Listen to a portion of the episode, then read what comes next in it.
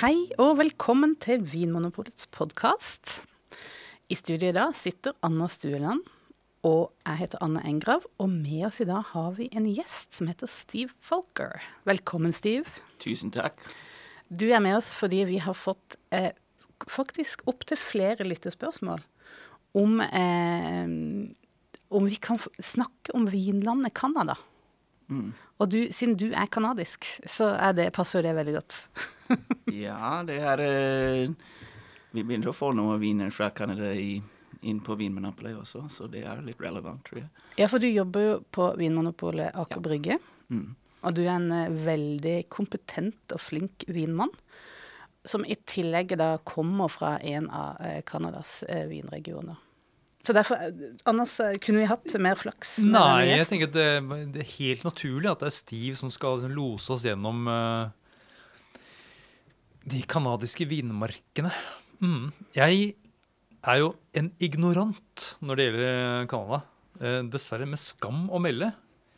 Har, du, Eh, vært- har du vært der? Aldri vært der. Ok. Ikke heller. Eh, og jeg, eh, jeg tror jo som mange andre tenker på Canada som et, et kaldt land. Ja, det er Eh, Det viktigste ting å vite om Canada er at det er et stort land. Um, og eh, fordi det er så stort, så er det også veldig varierende. Det er deler av det, ja, som er superkaldt, men det er deler av det, særlig hvor jeg kommer fra, som kan være overraskende varmt også. ja, hvor varmt snakker vi da?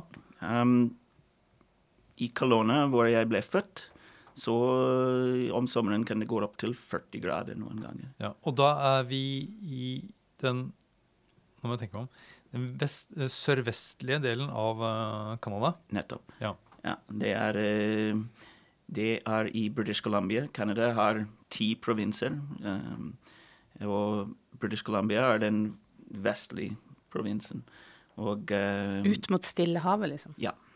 og det er ganske mye fjell i British Columbia. Og hvor jeg ble født, er på østlig side av fjellene. Så det er ikke rett ved kysten. Så mellom kysten og hvor jeg ble født, da er det en stor fjellkjede. Nettopp. Og det gjør at det blir, der blir det en sånn gryte, nesten. Der blir det varmere. I, ja. Ja, Ja. Det, det kommer masse vær inn fra Stillehavet.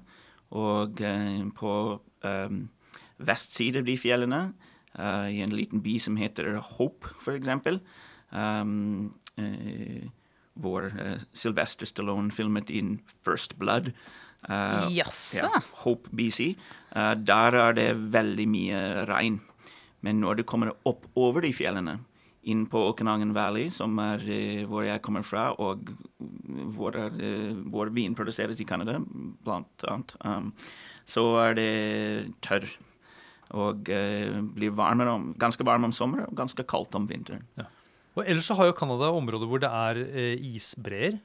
Ja. Ikke sant? Eh, hvor det er et ordentlig kaldt store deler av Absolutt. Oppe i nordlig del av Canada Ja. er det ordentlig kaldt. Ja. Um, og, men det er også veldig lite befolket. Um, I Canada, det er interessant statistikk, er at 90% av Canadas befolkning bor innen 100 km av grensen til USA. Så det er en sånn lang belte langt grensen til USA hvor alle folk bor. ja. Fordi, Resten, resten er tomt. ja, bare for å slå det fast, altså er, altså, så den sør for Canada så ligger da USA. Ja. Og nord for Canada, der ligger Alaska. Ja, Stemmer ikke det? Ja, men Alaska er på, på vestsiden også. Så Alaska er nordover fra um, eh, British Columbia. Um, eh, og så østover fra Alaska er store deler av Canada som de kaller for the territories. Det er ikke provinser. Northwest Territories, Yukon Territories. Og det er disse områdene som er helt tomt. Og jeg kan love det er eh, svært lite vinproduksjon opp der. Det er litt skremmende å tenke på. Nesten å tenke på verdensrommet, egentlig. Ja, det er ikke langt fra. Men eh, altså, vi har altså Canada, som er verdens nest største landområde. Grenser til ett land. Hvis jeg forstår riktig, Alaska er vel Det er USA. USA. USA, ja. ja, ja, ja. Og, og det har da eh, kyst mot både Atlanterhavet og Stillehavet. Ja. Det er litt kult. Og det er da, fra kyst til kyst så er det da omtrent 5000 km. Det er riktig. Ja. Og, og det, det gjelder også um, vinområder i, i Canada også. Et, um, den vinområdet hvor jeg kommer fra, i British Columbia, er eh, Du må ta en fly i fire timer for å komme til den andre store vinområdet i Canada, som er i Ontario. Eh, så det er, eh, det, det, er helt forskjellige steder. Det blir som et annet, et annet land, egentlig. ja. ja. Så når jeg treffer folk som sier 'Å, du er fra Canada', jeg har en, en fetter fra Toronto, for meg det er eh, det, det betyr ikke så veldig mye, fordi jeg har vært i Toronto én gang i hele livet mitt, og det er, eh, det er like stor jobb å ta en fly til Toronto som det er å ta en fly fra Oslo til Tyrkia. Men ja, for, eh, hvis vi skal da gå litt sånn eh, sjablongaktig inn på dette Det viktigste når man skal lære om vinlandet Canada, altså disse to provinsene eh, Ontario og British Columbia. De ligger på hver sin side av dette store landet. Ja, um, British Columbia er helt vest. Ontario er ikke helt øst. Det er provinser som er østover fra um, Ontario, og som på Atlanterhavet, som uh, Nova Scotia, Newfoundland. De er uh, de såkalt Atlantic provinces, som har uh, kystlinje til Atlanterhavet. Um, Ontario har ikke kystlinje. Um, Men de har store sjøer. de har eh, verdens største innsjø, egentlig. Lake Superior, som er en av de uh, Great Lakes, og er uh, veldig, veldig stort. Så har de andre, mange andre mindre innsjøer også.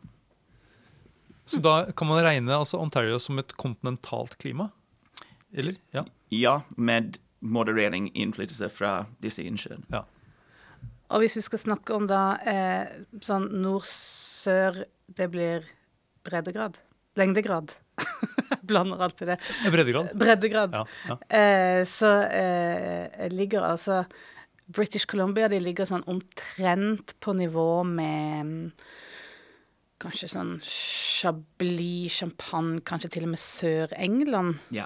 Berlin, sånn hvis vi skal trekke linjer over til Europa. Mens da uh, Ontario ligger uh, på nivå med Er vi på Toskana, kanskje litt lenger nord? Ja, det er Altså- lenger sør. Den, den dypper litt sør inn uh, og, og deler disse store innsjøene med USA.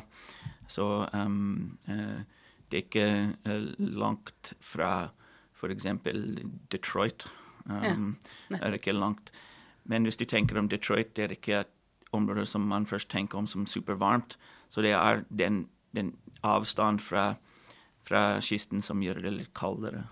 Nettopp. Så det er mer enn hvor langt nord eller hvor langt sør som, handler, som påvirker klimaet det handler om. Absolutt. Ja. Innsjøer, det handler om innland, kyst, alle disse Riktig. tingene. Ja, så selv om British Columbia, da, altså vinområdene, ligger litt lenger nord, så er det generelt litt varmere enn Ontario, som I hvert fall om, om vinteren Ja. er det litt varmere. Um, jeg tror begge steder blir ordentlig varmt om sommeren. Nettopp. Ja, men skal vi ta for, altså, jeg tenker, Hva er, hva er liksom de største forskjellene da, sånn vinmessig mellom uh, Ontario og British Columbia? Jeg tror uh, det som kanskje er viktigst å nevne der, er at um, British Columbia er ikke helt så kjent for produksjonen av uh, eisvein som Ontario er. Det er en, en, en stor eh, del av Ontarios uh, vinproduksjon, er, eller en viktig del i hvert fall, internasjonalt sett. Og det er liksom Canadas claim to fame. Ja, jeg tror det er det, det, er det som har satt Canada på kartet.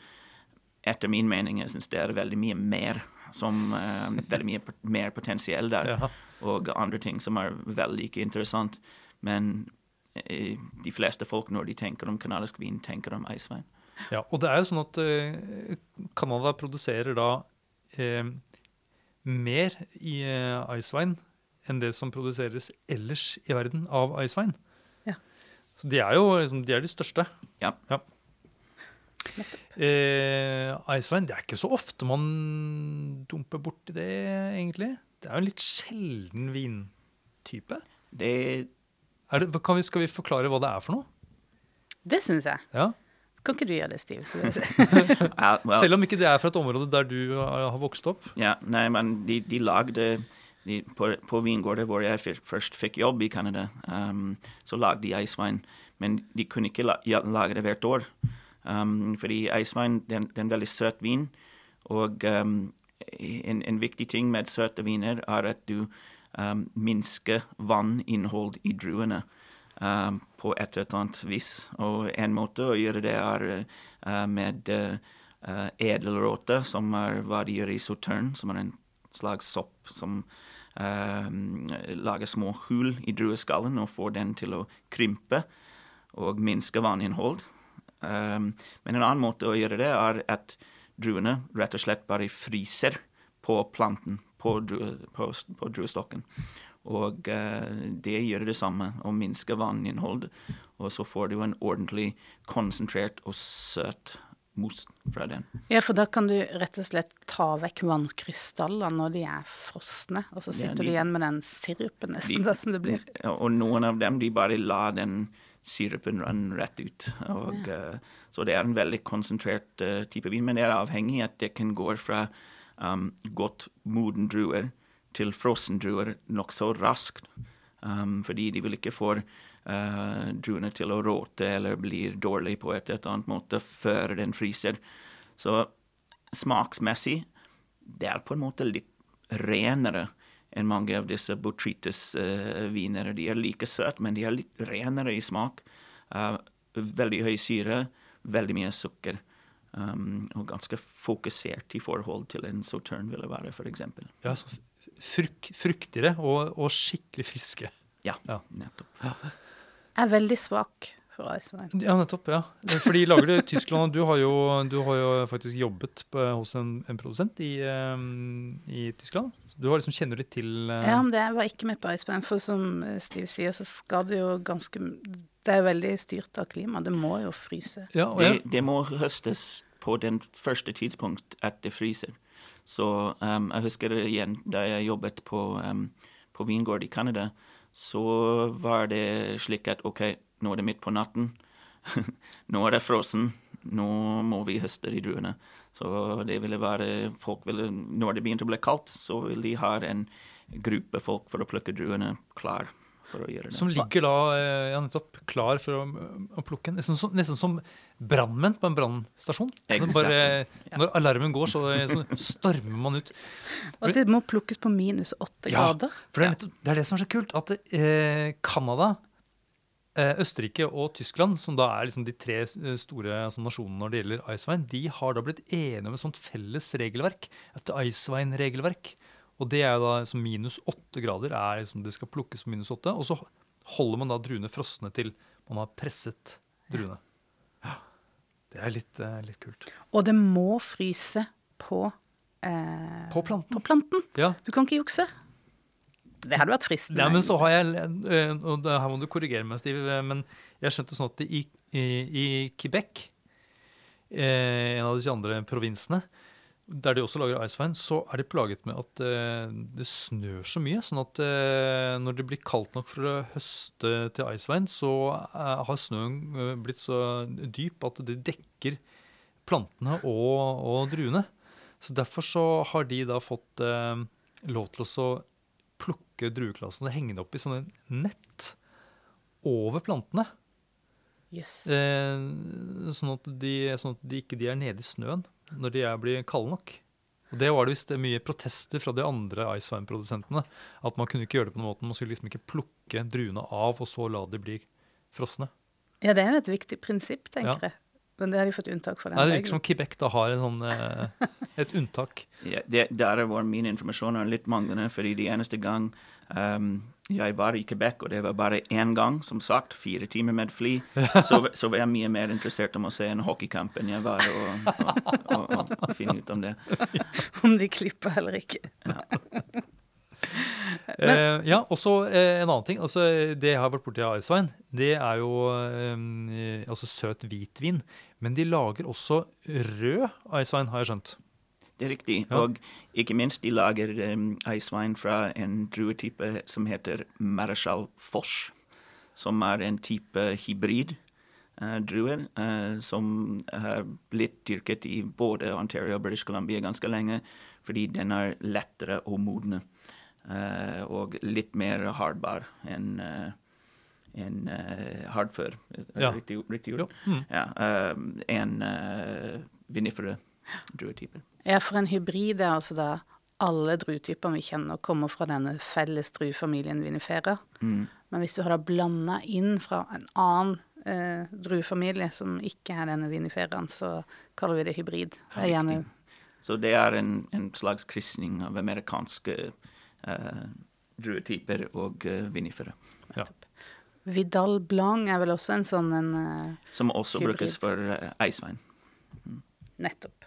Og ellers er det altså Riesling, Cabernet Franc, Gewürztraminer, Chardonnay. Masse typer man kan uh, lage eisvein på, Som vi kjenner igjen som vinifere. som er vinifere. Mm. Riktig.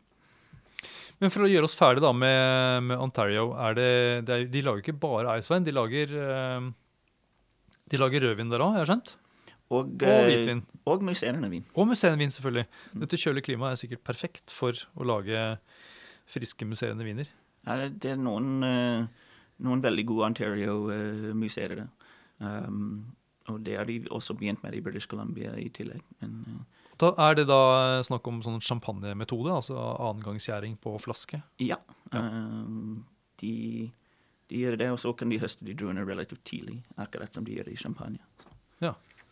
Så det er kanskje et område man, eh, man skal liksom følge litt med på når det gjelder musserende vin, litt sånn som med, England. At engelsk og kanadisk musserende vin er noe som eh, kan Jeg tror man kan ikke snakke om uh, de regioner uten å tenke om at ting blir varmere, og at uh, de kaldere områder som er kanskje litt i, i grenseland uh, med å få druene modne nok, eh, de, det blir ikke, i hvert fall ikke kaldere. Nei. Så Nei, det gjør det må nok ikke. følge med med det.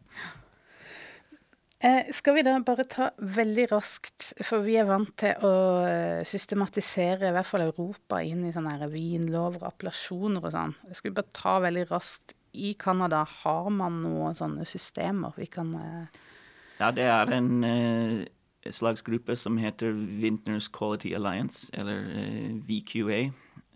Og det, de har en liten klistremerk som de kan få på flaskene hvis de um, møter en del regler. Um, siste gang jeg var i Canada, var 2000, jeg bodde i Canada, var 2004, så det er ganske lenge siden. Og uh, det har litt å si med um, hvilken druetyper man bruker, hvor de kommer fra. Uh, de må være produsert i Canada. Um, fra området hvor, eh, hvor eh, vingård ligger. Eh, de druene må komme fra samme område. Du kan ikke um, produsere en vin i Ontario og bruke druer fra British Columbia, f.eks. Må bruke druer fra det området hvor, hvor det er, og så må de være vinifere. Så det handler om hvor druen kommer fra, og noen sånne kvalitetshevende tiltak, da. Men ikke så finmaska som det europeiske Ja, Nei, det er absolutt ikke like mange ting som man må høre til. Nei, det er ikke sånn at de begrenser til noen få druetyper til et område, f.eks. Det er veldig sånn åpent for å blande sammen det man vil, og bruke det man vil. Riktig. Ja. og så har jeg skjønt sånn at hvis du da ikke tilfredsstiller disse kravene til en sånn VQA, så blir det, kan du sette 'Product of Canada' hvis druene kommer fra Canada. Men at man også har en tradisjon for å kjøpe både most og druer fra andre steder. Gud vet hvor. Må være USA, da. Ja, men man kan sette 'Product of Canada' fra nesten alt som er produsert i Canada, så det, det har ikke så mye å si. Nei. Nei, nettopp. Men du nevnte også et navn, en eh, Joe Busnardo. Man kan ikke snakke om eh, sånn vinhistorie som det er i British Columbia uten å snakke om Joe Besnardo. Um, vindyrking, eller vinifere druedyrking i British Columbia er relativt ny. Um, det var mest i 70-tallene at man begynte å, å plante vinifere druer som de som vi kjenner, som Chardonnay og Pinot Noir og Riesling og så videre. Um, og den første som plantet vinifere druer i Okanagan Valley, var Joe Busnardo. Han var en italiensk innvandrer. Han var en av de første som satte opp en, um, som ble en vinprodusent i Canada, hadde en, um, en uh, vingård som heter Divino Winery. Og uh, han produserte veldig mange forskjellige druetyper. Um, noen av dem mer vellykket enn andre.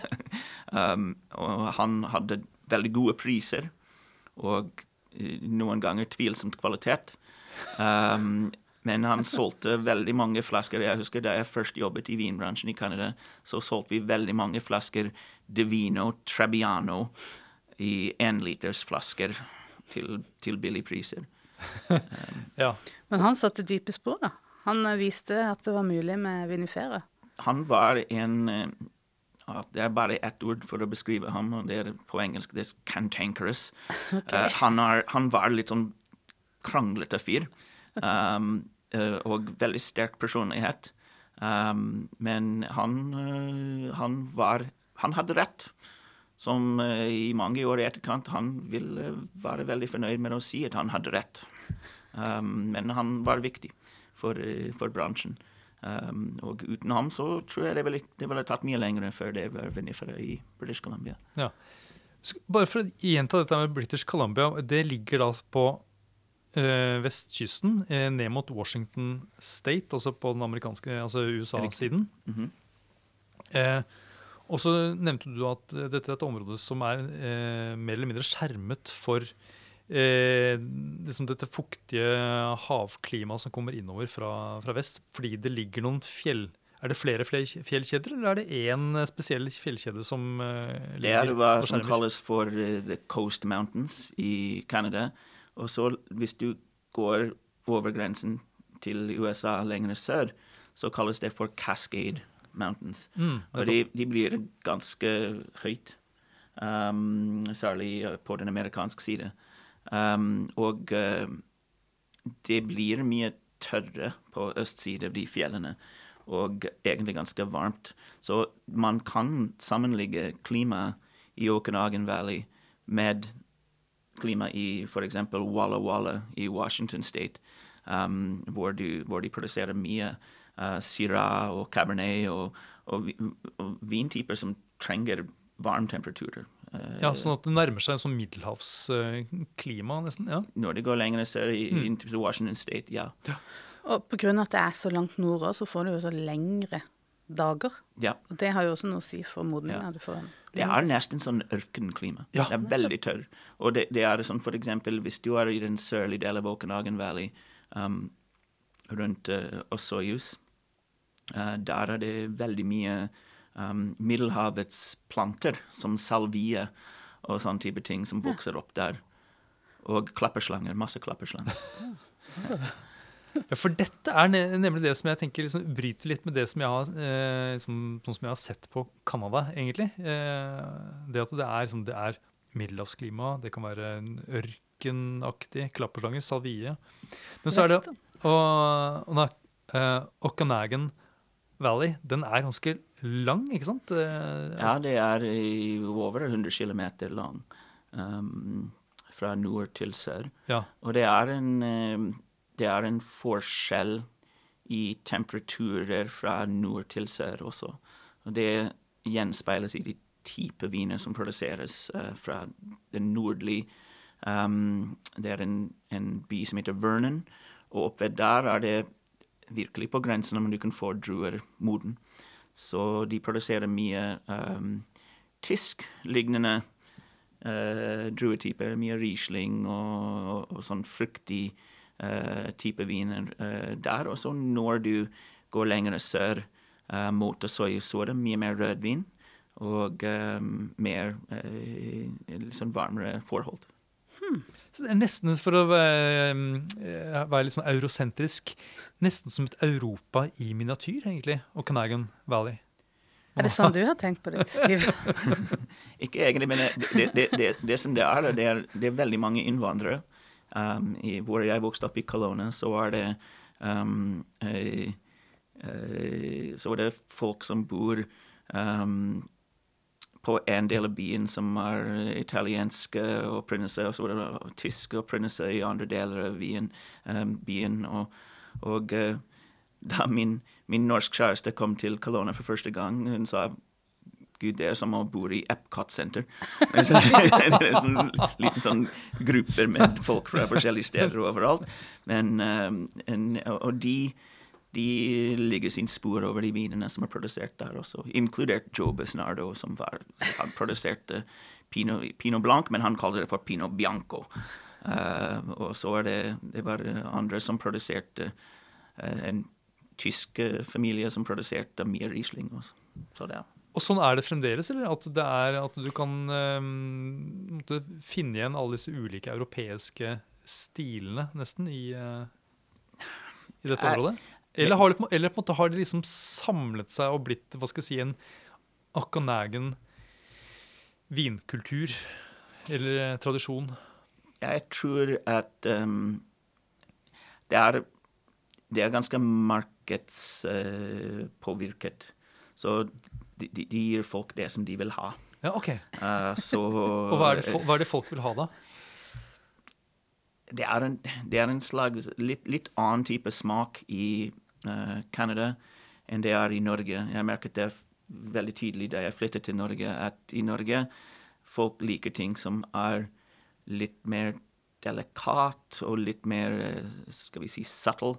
Uh, som du trenger å jobbe litt mer for å få uh, få noe ut av. I Canada de liker viner som er litt mer åpenbare og uh, litt mer eh, delicious med en gang. Litt sånn rett i fleisen? Ja. ja nettopp. Så, ja. Ikke så hard to get. eh, ja. Nettopp. Dette høres jo litt ut som den, eh, altså en sånn eh, klisjeen eh, vin fra USA.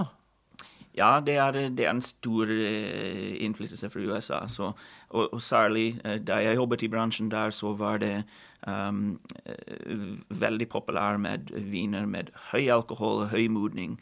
Um, Robert Parker var vinkritiker. Robert Parker hadde sin stil av vin som han likte, som var stort, kraftig. Um, mange kunder ville spørre etter en ting som er full-bodied. Det er hva de vil ha. Full-bodied viner.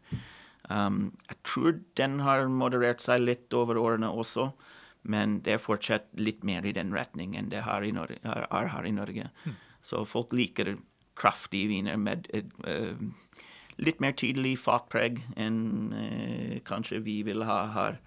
Um, men heldigvis nå er det litt sånn at OK, du kan lage en vin med en viss fartpreg, og det er nok modning og konsentrasjon for å gjøre det til en god vin likevel.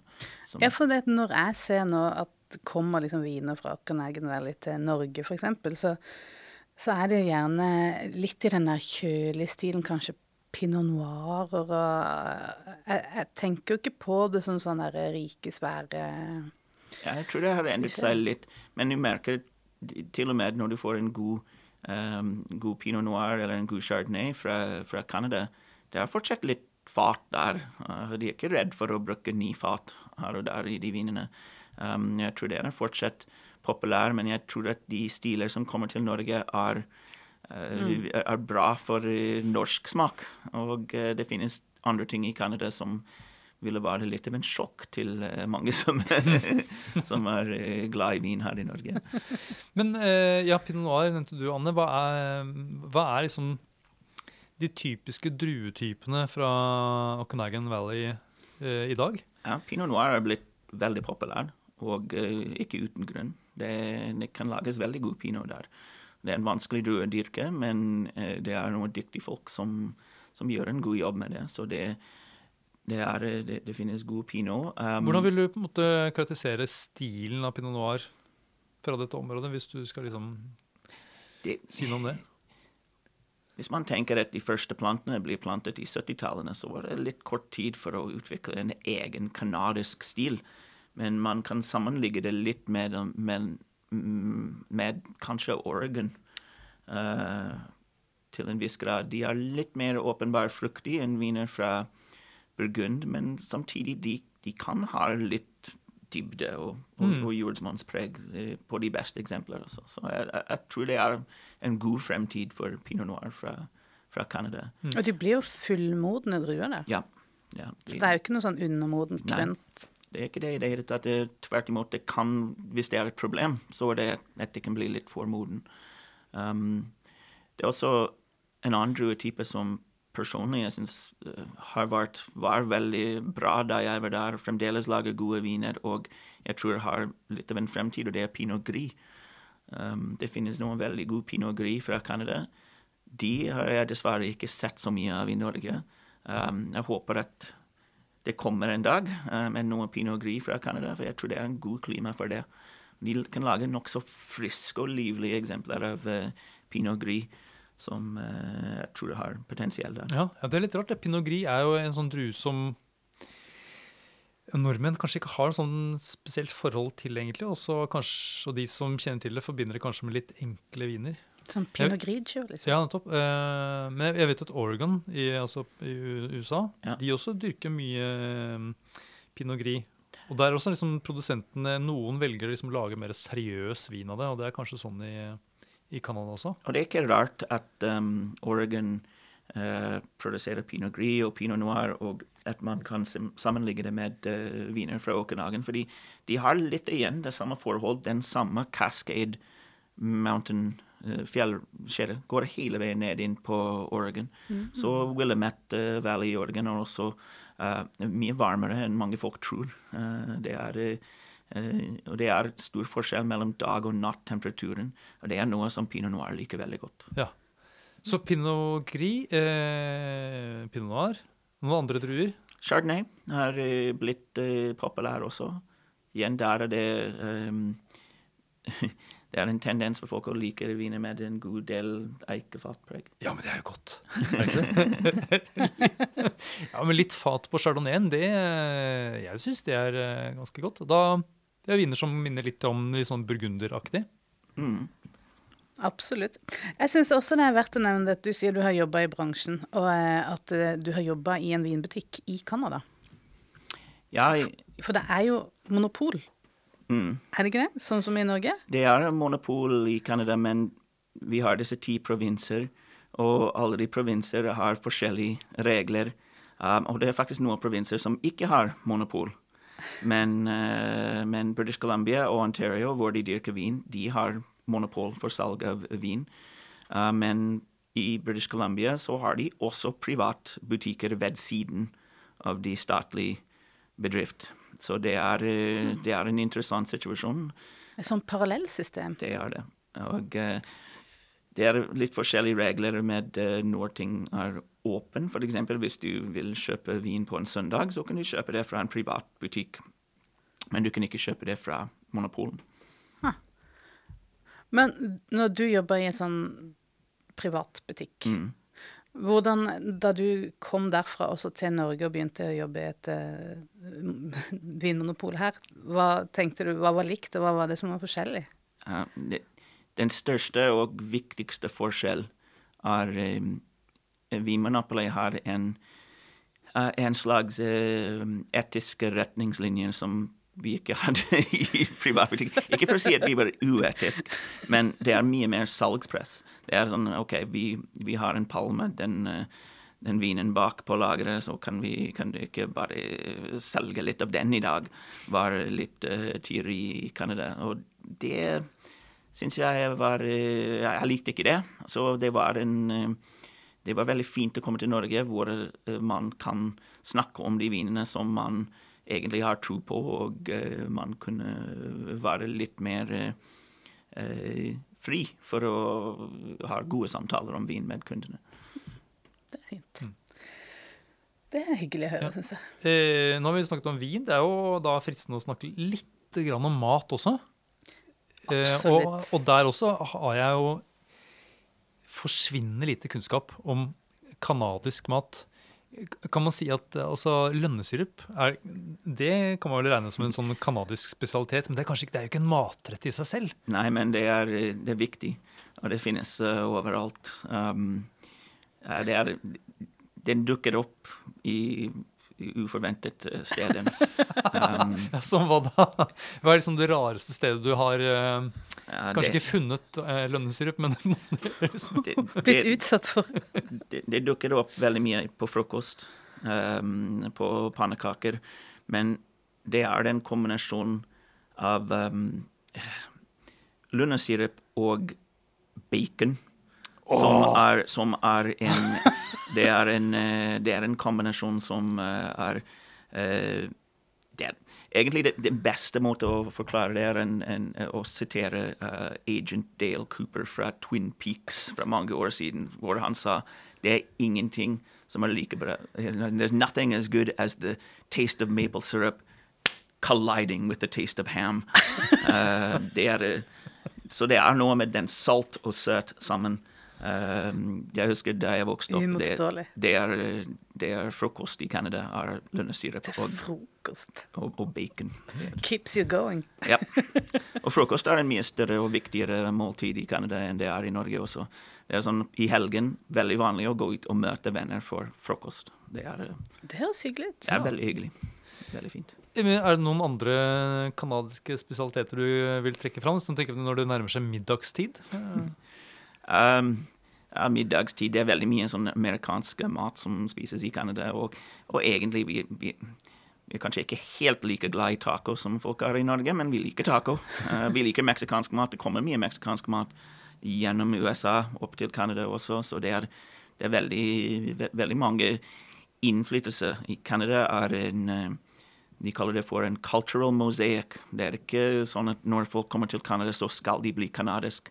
Folk kommer til Canada og skal fortsette å ha sin egen kultur og ta med seg masse ting. Så Vancouver, du kan få mat fra absolutt hver liten hjørne av verden kan du få i Vancouver. Så, så det er veldig mye internasjonalt. Så det betyr at det ikke er så mye som er ekte kanadisk.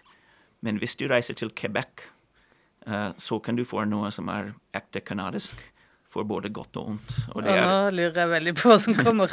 det, det, er, det er Putin. Putin. Poutine. Det er uh, french fries with cheese curds and gravy. Som er en slags Hva er cheese curds? Hva er det? Det er en slags ost sånn nesten sånn Hva heter det på norsk? Cottage cheese? Nei, Nei? det er pulteost, kanskje. Den type ost, ikke sant. Og så er det men, masse Men uten det krydderet som er på pultosten? Det er mer en sånn Det er ikke noe sånn- krydder. Nei, det er, mer naturell smak. Ja. ja. Mm. Så den slenges på pommes frites, og så en veldig tykk, rik brun saus over toppen.